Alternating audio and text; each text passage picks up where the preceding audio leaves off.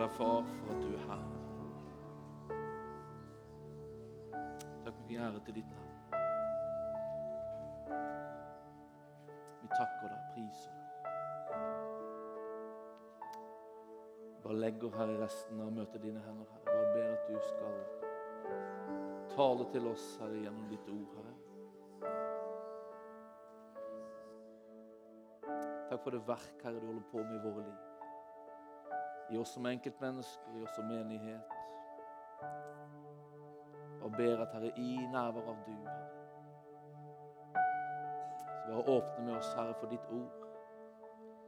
Til å tale til oss, til å gjøre noe med oss, til å være med, Herre.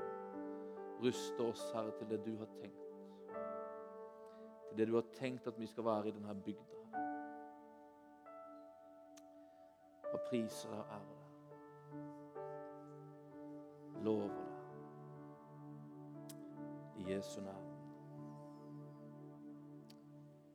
Amen. Takk, fantastiske lovsangere.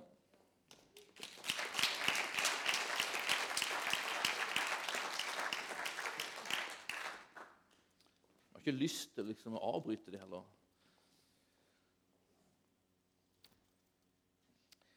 Men jeg da tenkte jeg vi skulle um, høre et par vitnesbyrd før jeg liksom på alvor går inn i, i prekenen. Og da, da har vi jo så mange sånne små predikantspirer her, som jo gir det litt tid.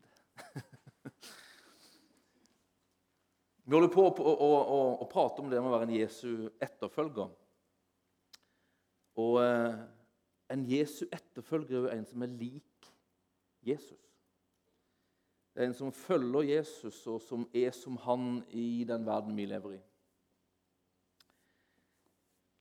Og Egentlig så er det å være som Jesus, det å være en etterfølger av Jesus, det å få være med på det Gud gjør. Og det Gud ønsker å gjøre i den verden vi lever i. I hverdagen. Det var det Jesus gjorde, egentlig. Han var med på det Gud, hans far, gjorde. Han oppfatta det Gud ville gjøre, og så handla han på det og fikk være med på det Gud ønska og ville gjøre blant mennesker der han gikk. Og Det er det her vi er kalt inn i, til å være med på det Gud gjør. Ikke på søndagen bare, men i hverdagen. I hverdagen. Og Jeg tenkte vi skulle prate litt om det i dag. Etterfølgelse i hverdagen. Åssen det kan se ut. Fins det noen nøkler for at det kanskje kan skje i enda større grad, for at det skjer. Her i Tidligere i uka så sendte jeg bare ut et spørsmål til, til noen utvalgte. og Jeg tenkte jeg skal kaste meg over ungdommen. tenkte jeg. Og Så utfordrer de, og så spør Kan dere gi meg eksempler på ganger der dere har blitt brukt av Gud inn i et annet menneskes liv? Eller eksempler der andre har blitt brukt av Gud inn i deres liv? Og Jeg fikk masse liksom, respons. Så jeg hadde av mer enn nok enn jeg kan slippe til her i dag. Men jeg tenkte at Lene og Mariell skal få komme fram. Ja.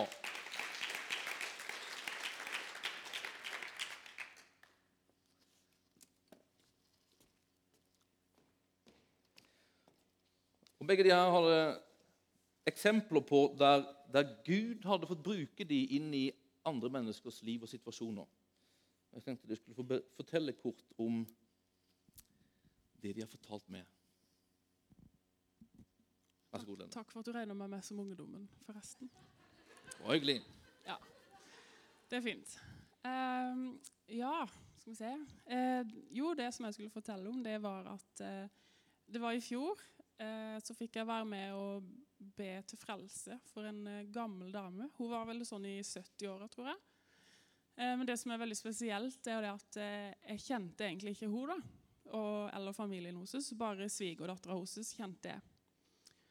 Og Så snakka jeg med svigerdattera, og hun fortalte meg at nå ligger hun på dødsleiet. Hun hadde kreft og var full av angst og smerter. og sånn. Og Så kjente jeg bare Den hellige ånd begynte å røre seg veldig sterkt i hjertet mitt. Eh, og jeg måtte spørre har hun tatt imot Jesus. Og da svarte hun jeg kjente da, nei, men hun har jo barnetroa, da. Men så ble det så sterkt igjen at det holder ikke, om å ta imot Jesus. Så sa jeg bare ja, men jeg må komme og besøke henne, da. Og det var jo veldig unaturlig for meg å besøke en dame jeg ikke egentlig kjenner. Men jeg kjente jeg må besøke henne, for hun må bli frelst. Ellers så havner hun på feil plass. Så sa jeg du må bare ordne så jeg kan komme og besøke henne. Eh, og hun bare ja vel, det skal jeg sikkert få til. Og så gikk jeg og ba i flere dager og kjente en veldig nød at dette må jeg bare få til. Og jeg ba til Jesus, og Jesus sa til meg at, eh, at eh, hun kommer til å, å, treffe meg igjen, og hun kommer til å kjenne meg igjen som gammel venn. Så da fikk jeg en frimodighet. Ok, jeg må bare stole på det. Så gikk det noen dager, så ringte hun jeg kjente da, og sa til meg at nå er det veldig dårlig med henne. Nå hører vi henne hyle bak i bakgrunnen i telefonen, og hun er veldig syk, og det har hun ikke lenge igjen. Og kan du gå og besøke henne i dag?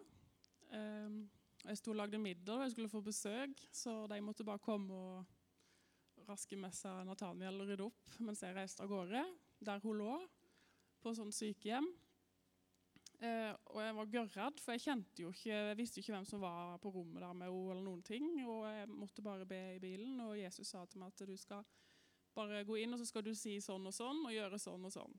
Jeg kjente meg veldig trygg på at ok, nå vet jeg hva jeg skal gjøre, men jeg var dritredd. Og så kommer jeg inn på rommet der, og da følte jeg nesten at Gud forsvant. For da sto jeg plutselig helt alene og var veldig redd. Men da måtte jeg bare huske hva Gud hadde sagt at jeg skulle gjøre. Eh, og så fikk jeg stotra fram mitt ærend. Og det her er en familie hvor ingen er kristen, tror ikke på Gud, noen av dem. Så det var veldig spesielt å komme inn der og liksom forklare hva jeg skulle. og, og sånn. Eh, og så var det bare den ene dattera som var der inne. Så hun gikk ut, og så gikk jeg hen til hun gamle. Hun var nesten ikke våken. Eh, hun hadde øynene igjen, og hun bare lå der. Og så sa jeg bare navnet mitt, og sånn, og jeg lurte på om jeg kunne be for det. Og så lagde hun en lyd som jeg tolka som ja, så jeg begynte å be. Um, og når jeg begynte å be, så kjente Den hellige ånden kom veldig sterkt inn i rommet. Og når jeg kjente det, så så jeg at hun, hun glippa litt med øynene, og så rykka hun til. Og så holdt hun meg hardt i handa. Og så spurte jeg henne ta imot Jesus, og så sa hun ja. Og så begynte jeg å bare be litt videre, og så kjente jeg at rommet ble fullt av fred. Og så kom dattera oss inn igjen. da. Og det her var på lørdagskvelden. Eh, og så fikk jeg høre da seinere av svigerdattera at hun døde på tirsdag. Og så sa hun at eh, etter jeg hadde vært der, så hadde hun vært helt rolig og ikke hatt noe sånn angstutbrudd eller noen ting. Og så var jeg en av de siste som hadde hatt kontakt med henne.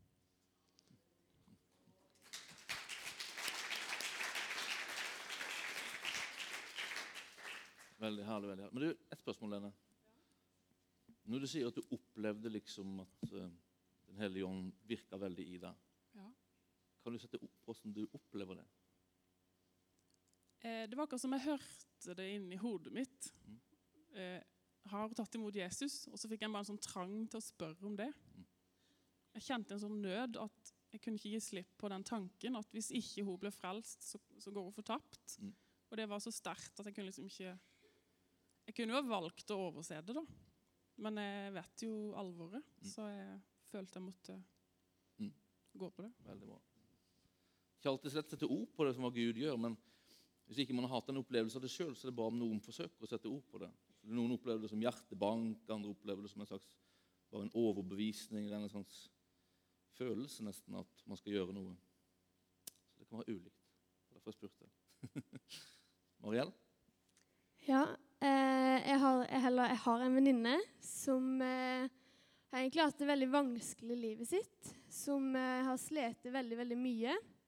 Har egentlig ikke klart å komme seg på spor igjen da, inn i livet. Eh, og så hadde jeg en dag her eh, i fjor sommer blir det, hvor jeg egentlig fikk et veldig kall, om jeg kan kalle det det, da, på å dra på butikken og kjøpe blomster og kort og sjokolade og skrive et av mine favorittbibelvers, og da levere det til henne. Jeg syntes jo dette var en helt gal tanke og tenkte jo nei, hallo, kan jo ikke det, liksom. Men så slutta det aldri. Tankene bare fortsatte, og jeg tenkte jo, OK, greit, jeg får gjøre dette her, da. Så jeg dro til butikken, kjøpte det jeg følte jeg måtte kjøpe, dro opp til henne. Sto da med sjokolade, blomster og et kort, og jeg skrev ned et bibelvers som er da Kjenn han jeg Kjenn han på alle dine veier, og han vil gjøre dine stier rette. Eh, det var et bibelvers jeg fikk, som eh, er et av mine favorittbibelvers. som jeg følte jeg måtte skrive ned til henne. Eh, og når hun, når hun, da leste det kortet, så sa hun i dag, når jeg bedde i dag på morgenen, at nå må jeg ha en bra dag. Så var det akkurat det samme bibelverset hun hadde fått av Gud. Um, og når jeg kom da, eller den dagen, så hadde hun det så tungt at hun hadde tenkt å ende livet sitt. Hun hadde ikke lyst til å leve mer. Men når jeg da kom, så følte hun at OK, det er én mening. Og da fikk jeg sjansen til å fortelle henne at hun har folk rundt seg som er glad i henne, og hun betyr mye i denne verden her. Amen. Det kan gå ned. Veldig bra, veldig bra. Vitnesbyrd er en utrolig god ting. altså. Det Vær ivrige og frimodige på å fortelle vitnesbyrd til hverandre. altså. Det er noe av det vi ønsker skal være en del av vårt småfellesskap. Det skal være vitnesbyrd der. Derfor at det, det er utrolig herlig. Det er oppbyggende. Og så tror jeg vitnesbyrdet forteller noe som Gud ønsker å gjøre igjen. Jeg tror Gud ønsker å bruke hver og en av oss på den samme måten, sånn at han kan få gjøre det han ønsker å gjøre i menneskers liv gjennom oss. Gjennom oss. Han ønsker at vi skal få være med på det han gjør i hverdagen. Sist uke så talte jeg om eh, Barnabas. Og Jeg tenkte vi skulle gå til Apostlenes gjerninger 11.24 der, og bare liksom ta avsats fra der vi slutta sist. Jeg tror det her med å, å, få lov til å være med på det Gud gjør i hverdagen egentlig, du kan, du kan på en måte ta det ned til tre liksom, stikkord. Skal du ha en formel på hvordan du kan bli brukt av Han i hverdagen. Tre sånne stikkord å huske på, så tror jeg det er å spørre, høre og tørre. Det var nesten liksom tenkte jeg så det rimte, men så tenkte jeg på det. På Østlandet der har de sånn Johannes, ikke vel? Der har det, blir det liksom Hørru, ikke vel? Ja, men altså litt funker, ikke vel? Hørre, det funker, ikke vel? Ja. Spørre, hørre, tørre.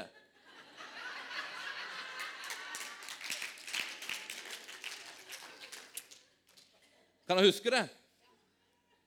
For da har du på en måte liksom formelen for å bli brukt av Gud i hverdagen. Det er spør han hva gjør du nå? Og så er det å høre sier han noe. Og sier han noe som du oppfatter, så handler det om å tørre å gå på det. Det tror jeg er formel til å bli brukt av han i hverdagen. Så skriv den opp.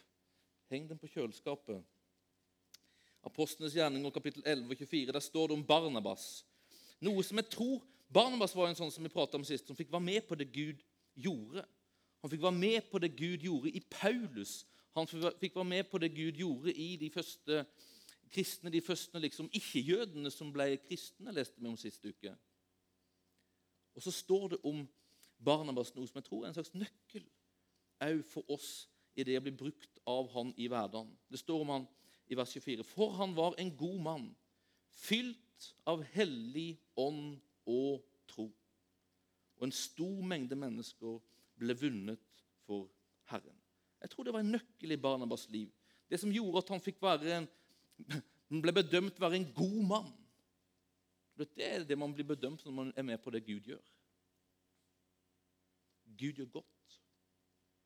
Hvis et menneske får oppleve at Gud gjør noe i sitt liv gjennom ditt liv, da oppleves det som godt. Da er det godt. Ja, det er godt selv om ikke det oppleves som godt.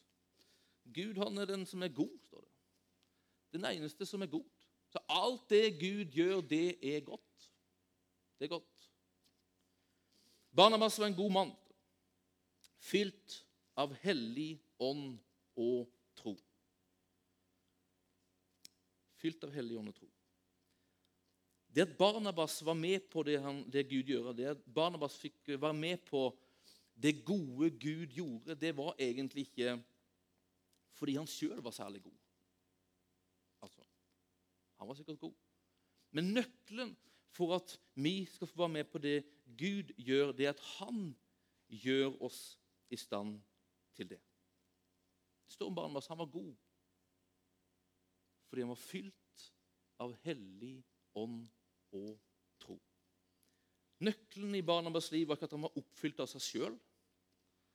Det var at han var oppfylt av Gud. Nøkkelen i Barnabas liv var ikke at han satte sin tro til seg sjøl, men han satte sin tro til Gud. Og jeg tror at denne tilliten til Gud, denne, det her å være oppfylt av Han, det er nøkler, tror jeg, for at vi skal kunne leve et liv i etterfølgelse i hverdagen. Det er nøkler, tror jeg, til at, det her, at vi lever våre liv i etterfølgelse av Han i hverdagen, liksom skal bli en enda liksom mer daglig greie. En hverdagslig ting. Jeg drømmer om det i mitt liv. altså. At det skal være en hverdagslig ting. At det får være med på ting Gud gjør. Ting Gud gjør. At jeg skal være liksom mer bevisst på det. At jeg skal ha større tro på det. At Gud kan virke gjennom mitt liv. Er du med på det, da?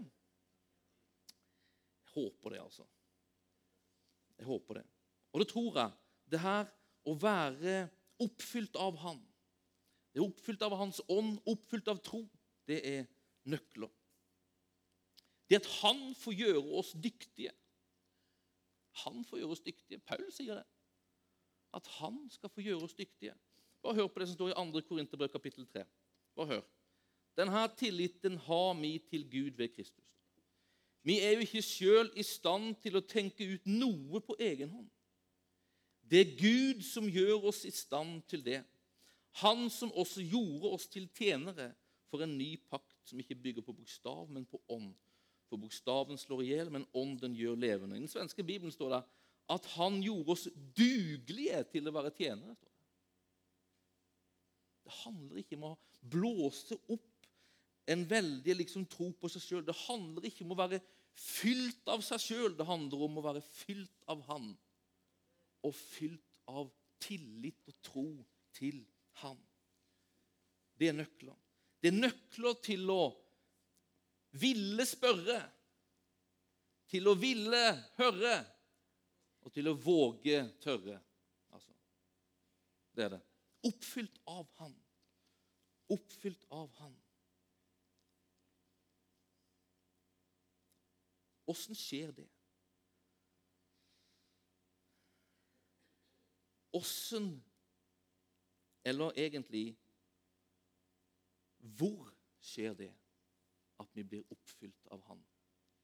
Hvor skjer det at vi blir oppfylt av tro og tillit til Han? Svaret er hos Han. Hos Han. Svaret er i Hans ord, svaret er i Hans nærvær.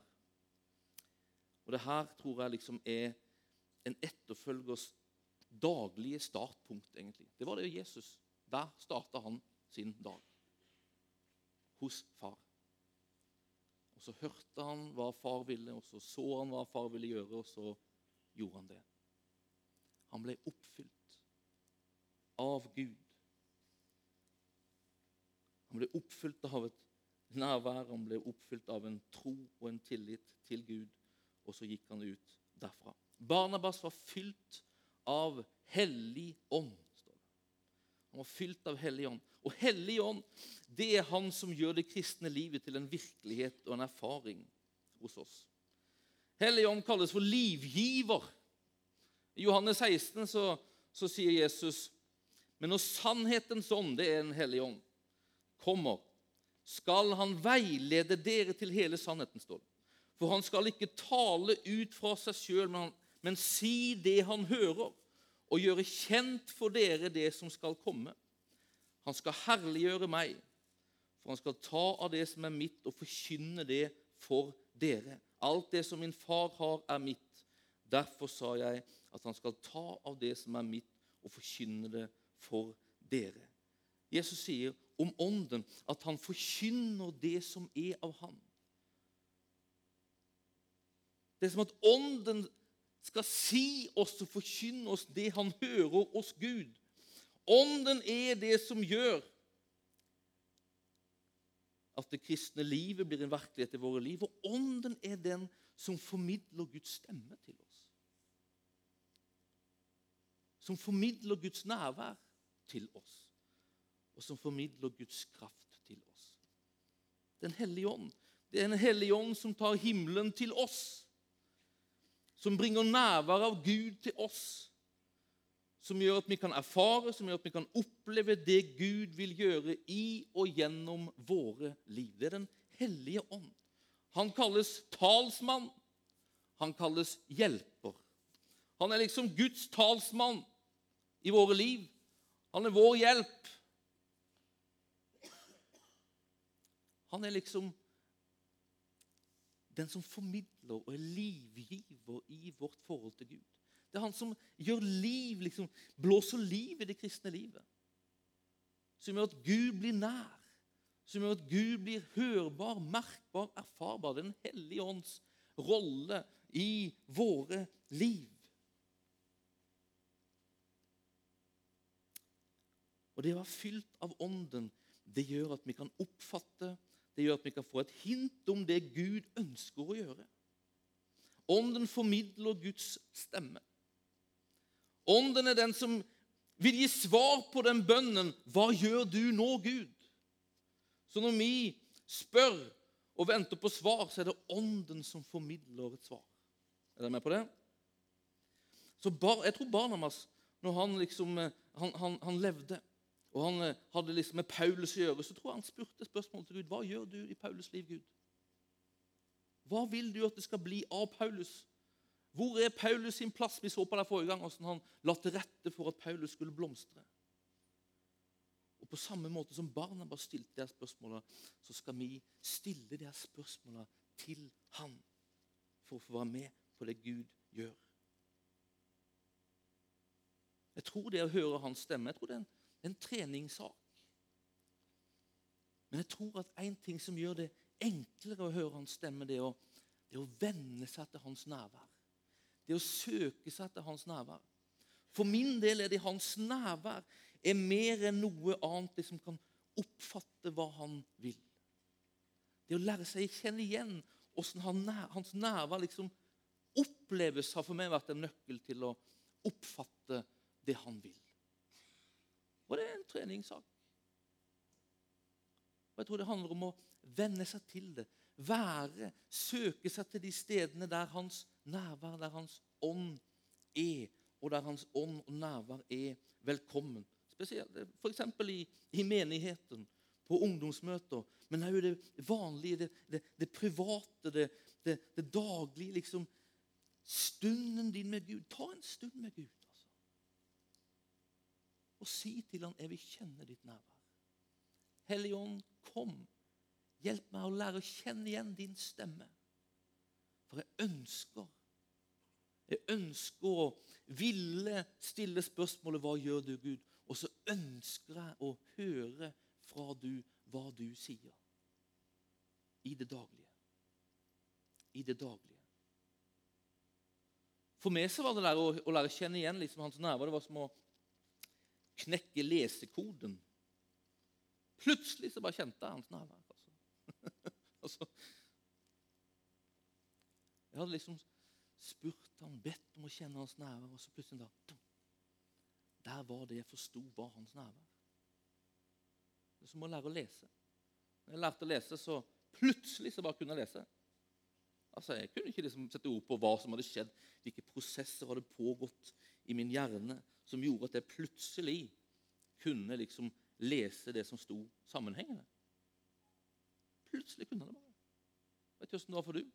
Så var det for meg. Jeg knekte lesekoden, sier min hustru, som er lærer. og Sammen var det når jeg lærte kjenne igjen Guds nærvær.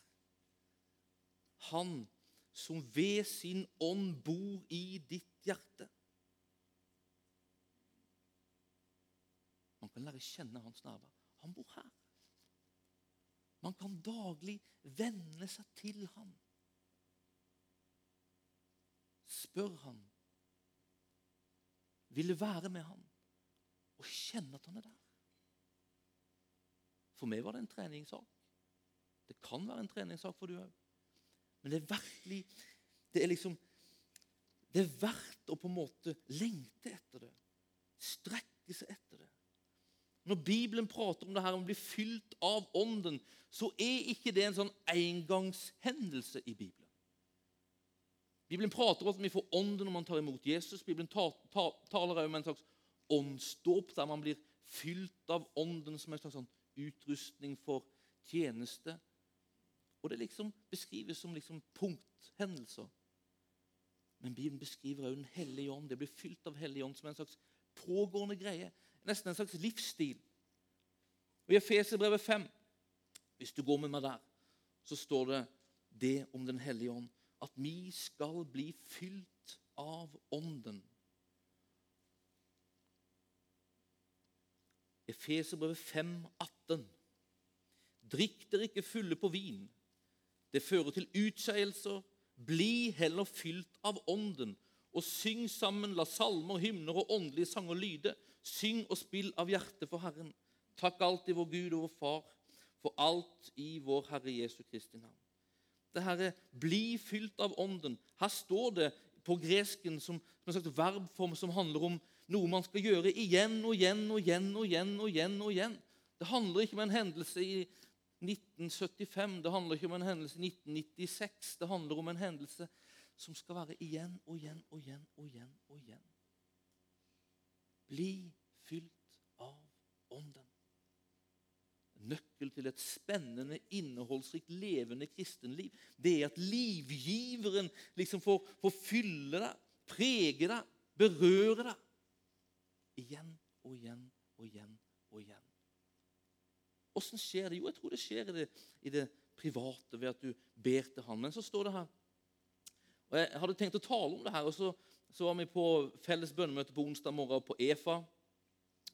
Og, eh, og eh, Da ble vi sittende og prate etter bønnen, bl.a. med, med Jørn Stand. Og Da pekte han på det her verset i Efeserbrevet 5, og noe på en måte han hadde sett der. Det at På gresken så står det at vers 19 og 20 der det står jo Syng sammen, la salmer, hymner og åndelige sanger lyde. Syng og spill av hjertet for Herren. Takk alltid vår Gud og Far for alt i vår Herre Jesu Kristi navn. Det virker jo liksom i vår bibel som at det på en måte er et slags resultat av at man blir fylt av Ånden. Men på gresken der så står det egentlig nesten at, at det er på en måte middelet eller redskapen. Det står et ved der. Bli heller fylt av Ånden ved at dere synger sammen. Ved at dere lar salmer, hymner og åndelige sanger lyde. Ved at sang og spill av hjertet fins liksom for Herren. Ved at vi takker alltid vår Gud og Far for alt. Ved at vi gjør det, så blir vi fylt av Ånden, prater Paulus opp. Jeg syns det var så bra, det der, så jeg måtte hjem og sjekke det. Og det står det, altså det at vi gjør det. Vi kommer sammen her når vi tilber Han, når vi takker Han, når vi opphøyer Hans navn. Det er redskap for at vi skal bli fylt av Ånden. Det står i Salme 22 at Herren troner på sitt folks lovsang. Og det når han troner, når han får trone, så får han prege. Og vet Det blir fylt av ånden. Det er egentlig å bli prega av ånden. Paulus prater Drikk dere ikke fulle på vin, står det, men bli fylt av ånden. Bli ikke prega av vin, men bli prega av ånden, står det. Still dere liksom under åndens influens, innflytelse, påvirkning, berøring. Ved at dere synger, ved at dere taler til hverandre, opp, oppbygger hverandre på en sånn måte at Gud får ære. Gir han ære. Takker han, retter seg inn mot han, liksom opphøyer han, da får han fylle oss med sin. Og jeg tror det private livet, Hvis du vil ha én nøkkel til å måte, komme inn i hans nærvær, så er det tilbedelse. Når jeg på en måte liksom, skal inn og vil kjenne hans nærvær, så er det alltid på en vei av tilbedelse. Der i hjertet bare gir han ære, gir han pris. Da kjenner jeg Da kommer han veldig mye lettere enn om jeg på en måte går inn i en slags selvopptatthet eller bønn om liksom mine egne behov. Men jeg gir han ære, så er det som at han bare kommer. Jeg tror det er nøkkelen. nøkkel. Jeg tror det er nøkkelen. nøkkel. Bli fylt av Ånden. Barnabas var det. Jeg tror at det er nøkkel til oss for at vi skal være villige, for at vi skal kunne være villige til å spørre ham, og for at vi skal klare å høre ham. Men Gud taler. Gud taler liksom om vi er på eller ei. Og Gud kan tale til oss selv om ikke vi er på. Altså, altså Vi har ånden når vi tror på Jesus. Men jeg tror allikevel at jo mer på en måte vi er prega av Han, har vært i innflytelse av Han, jo lettere tror jeg vi på en måte fanger opp det Han ønsker å si til oss om hva Han vil gjøre i, gjennom våre liv i vår hverdag. Tror du på det? Barnabas var fylt av tro, står det. Bibelen peker på at tro er noe viktig. Det står, eh, Paulus sier i Rombrevet 1,17 står det at den rettferdige skal leve ved tro. Eller leve av tro. Den rettferdige er jo en sånn etterfølger. Det er sånn som oss, Vi har valgt å tro på Jesus. Det er en rettferdig, en etterfølger. Vi skal leve ved tro. Troen, tror jeg, er det som gjør at du er villig, det som gjør at du våger å gjøre det Ånden viser at Gud vil gjøre gjennom deg. Et annet ord for tro, det er tillit. Så når du har spurt ham, du spør ham, 'Hva gjør du, Gud?' Og så oppfatter du at han ønsker å gjøre det. Da er det din tillit til han som gjør at du tør. Som gjør at du tør. Troen, sier Hebrebrevet står det om troen, at troen er et pant på det vi håper. Et bevis for det vi ikke ser, står den nye oversettelsen. En annen oversettelse sier at troen er en overbevisning om det vi håper. Det er en visshet om det vi ikke ser. Troen det beskriver Bibelen som en slags liksom, evne til å forholde oss til det vi ikke ser. Det er en evne slags, som gjør at det som ikke vi ser, blir noe vi blir overbevist om faktisk fins. Jeg kan tenke liksom at Troen av og til er en slags sjette sans. Hvis det er fem sanser vi har. Altså det er hørsel og syn og smak og kjenne. Ja, det fem. Ikke vel?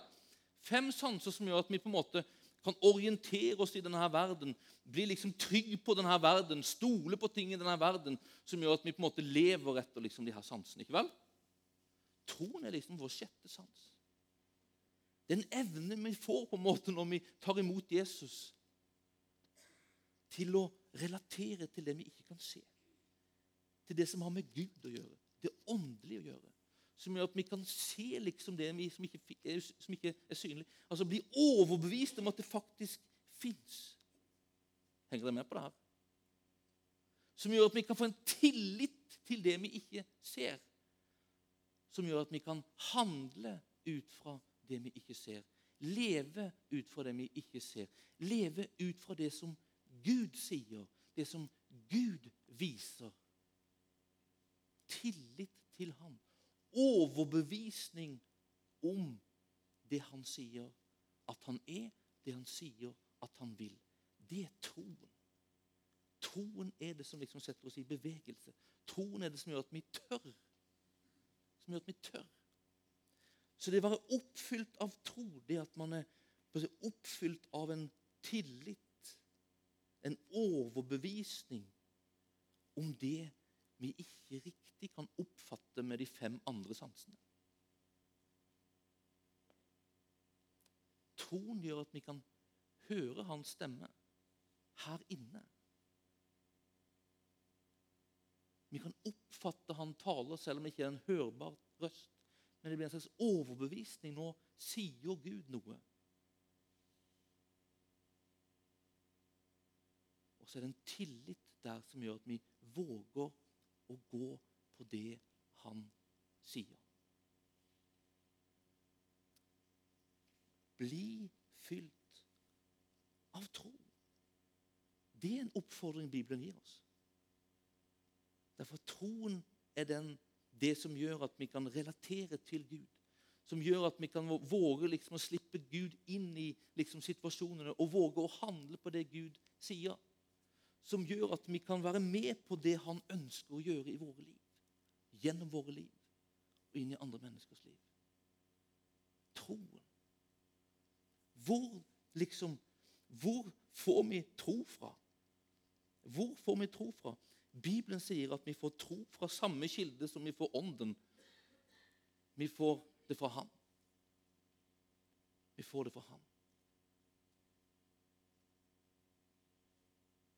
Paulus sier i Rombrevet at troen kommer av budskapet vi hører. står det. Og budskapet kommer av Kristi ord. Guds ord, Bibelen, det er nøkkel til at vår tillit og tro til Han skal vokse. Tilliten og troen handler om er knytta på til det Gud sier at han er, og til det Gud sier at han vil. Gud sier at han er trofast. Gud sier at han er med deg. Gud sier at, at du er tilhører ham. At han aldri svikter deg. At han vil backe deg. Masse løfter fra han i hans ord om ditt liv. Om den du er, om hvem han vil være i ditt liv. Det er hans ord som gjør at tilliten til han vokser. Det er hans ord som gjør at liksom, han blir mer og mer virkelig for oss. At vi mer og mer blir overbevist om at han, det han sier, er sant. Mer og mer blir overbevist om at han fins. Hans ord er liksom som, nesten sånn her som, som gjør at det her, det her, Hvis troen er som et litt sånn såkorn, så, så, så vokser troen ved at vi mater det ved hans ord. Guds ord er det som gjør at tilliten til Han vokser. Vokser. Jeg tror at Guds ord er en sånn nøkkel. Hvis vi skal være som Barnabas, være fylt av tro. Sånn at vi som Barnabas tør å gå når han sier noe. Så når vi tør å gå, at vi får være med på det han vil gjøre på det han vil gjøre. Jeg tenkte på det, også, det med troen og, og, ånden. Det å være fylt av ånden og det å være fylt av tro. Hvordan man skal ligne det. Hvordan det på en måte er nøkler til at vi skal få være med på det Gud ønsker å gjøre i, i liksom verden rundt oss. For jeg tenkte kanskje lignelsen av en slags ledning og stikkontakt funker. Ledningen er på en måte liksom bærer av kraft, hvis dere er med på det. Bærer av kraft.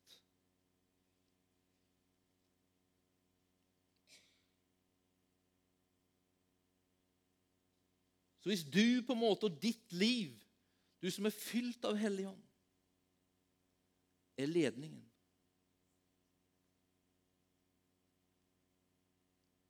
Og så er Gud troen. Eller Gud stikkontakten. Gud er stikkontakten. Så når du kommer på en måte med ditt liv Og i det du på en måte setter tro til Gud, stoler på ham, så er det som at du stikker stikkontakta inn i kontakten sånn at kraften får strømme og bringe resultat. Henger dere med på det? Lenes eksempel, f.eks. Lene, oppfylt av, av ånden, hun spør Hva gjør du, Gud? Og så hører hun hva Gud ønsker at hun skal gjøre. Gå og prat med denne dama. Og hun hører liksom hvordan hun skal gjøre det, og, og hva hun skal si. og alt sånt der. Hun hører det. Hun oppfatter det.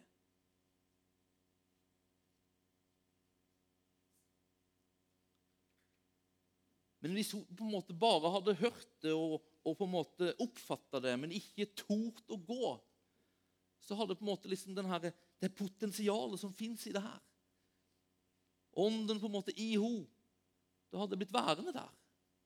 Altså, er dere med? Det er når Lene stoler på Gud. Nå er det du som taler. Nå er det du som viser meg, nå er det du som vil noe.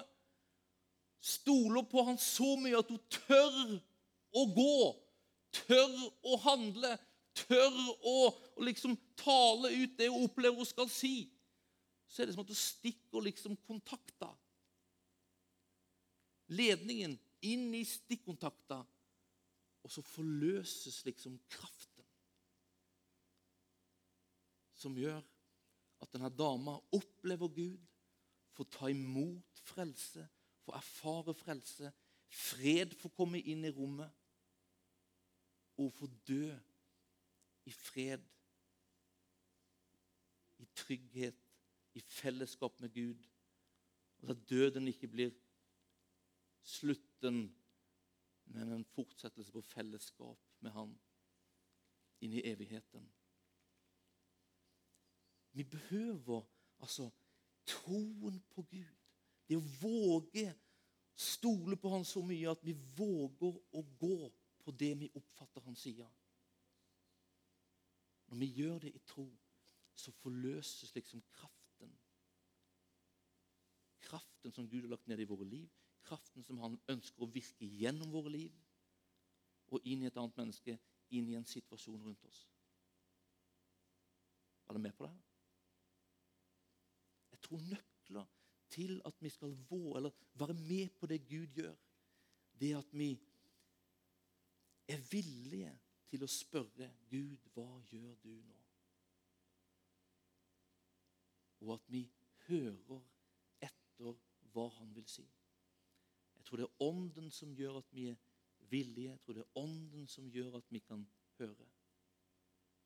Men så behøver vi òg å tørre å handle på det vi oppfatter han sier, og oppfatter han vil. Og når vi gjør det, så forløses Guds kraft gjennom våre liv og inn i situasjoner rundt oss. Jeg tror i det vi gjør det, så får vi være med på det Gud gjør i denne verden. Hva Han vil gjøre gjennom våre liv.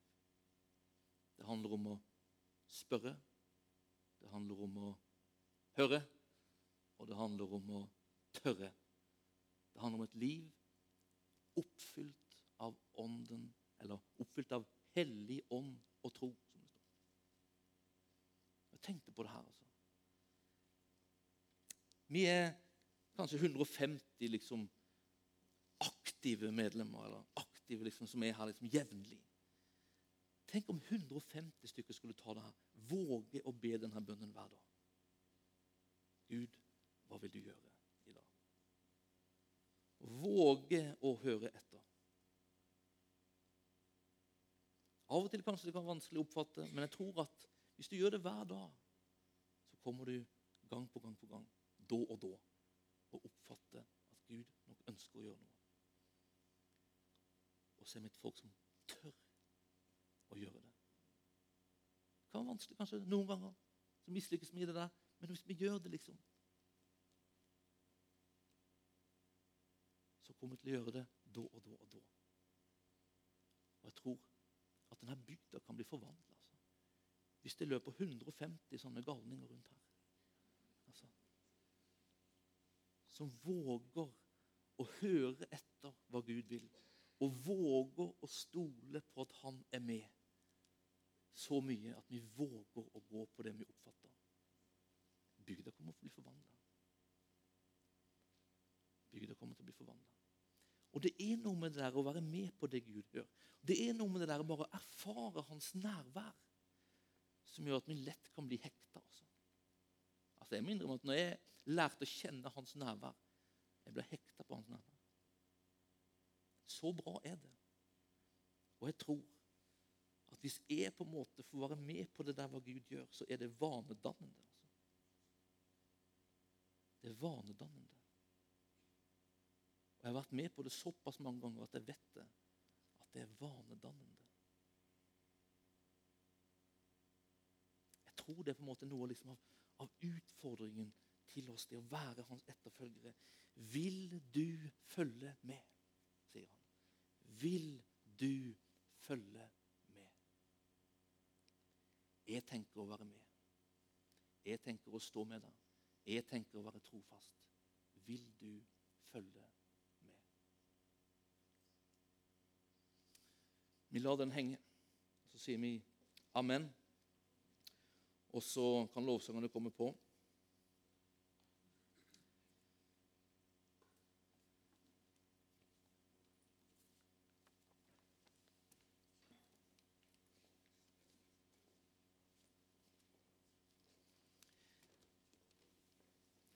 Det her er liksom etterfølgelsesprosessen. Det her er etterfølgelsesprosessen som Jesus inviterte de første etterfølgerne inn i, og som de stapla seg fram i. De lyktes, og så mislyktes de. Så lyktes de, og så mislyktes de. Og sånn er det, altså. Men der er Guds nåde nøkkelen. Nåden som sier 'Kom igjen, vi prøver på nytt'. Kom igjen, vi prøver på nytt. Så de gangene vi mislykkes, de gangene vi kanskje tenker at nå er det kjempelenge siden jeg har vært hos Gud, de gangene vi kanskje har oppfatta noe han vil, og så har vi ikke tort å gå på det altså Alle de gangene. Fra hans side så er ordet til du Kom igjen, vi prøver på nytt. Jeg tenker å være her. Jeg tenker å gå med. Jeg tenker å backe. Vil du komme på nytt? Himmelske Far, vi takker deg for at du har sånne tanker for oss. Du har sånne tanker for denne bygda. Jeg bare ber Herre, at vi skal få være et folk Herre, som får være med på det du gjør. Far, bare virk med din ånd, Herre. En lengsel, et ønske og en iver Herre, etter å ville være med Herre, i våre liv. Vi er avhengig av du for at du skal blåse liksom, liv i denne lengselen, Herre. Og produsere oss, Herre, en, slags evne til å oppfatte ditt nærvær. Herre, vi vil søke ditt nærvær. Herre. Vi vil ivre etter å være hos du. Kom du og møt oss. Kom du, Herre, og hjelp oss å knekke den koden, Herre. At vi kan være bevisste, Herre, på at du bor i oss ved din ånd. Gjør oss, Herre, til et folk som tør, Herre. Jeg ber at du bare blåser liv i ditt ord, Herre. At, sånn at det bare produserer liksom en tro og tillit til du. En sånn tro og en tillit som gjør at vi våger å å gå, Herre, når du sier, Herre, at du vil gjøre noe, Herre. Bare kom, Herre. Møt oss nå denne stunden, Herre. Tal til oss. Fyll oss. Preg oss på nytt ved din ånd, Herre. Bare takker og priser deg. Vi tar en stund helt enkelt der vi bare er sammen i lovsang og tilbedelse. Husk nå det jeg sa. I lovsangen og tilbedelse så fins han der med sin ånd for å prege. Bare rett liksom hjertet til ham. Også. Gi han lovsang og ære. Og så ha en sånn bønn og en lengsel om at han skal berøre deg på nytt her i lovsangen i dag. At han bare får berøre deg, fylle deg på nytt med sin ånd. Ønsker du forbønn, så fins det forbedere der ved flagget. Står på forbedere, vi er foran her. Så er du hjertelig velkommen fram hvis du ønsker det. Eller så tar vi en stund bare i lovsang og tilbedelse. Kafeen kommer til å åpne etter hvert, men vi bare har en stund. En flytende avslutning bestående av lovsang, tilbedelse, hengivelse. Føl deg fri.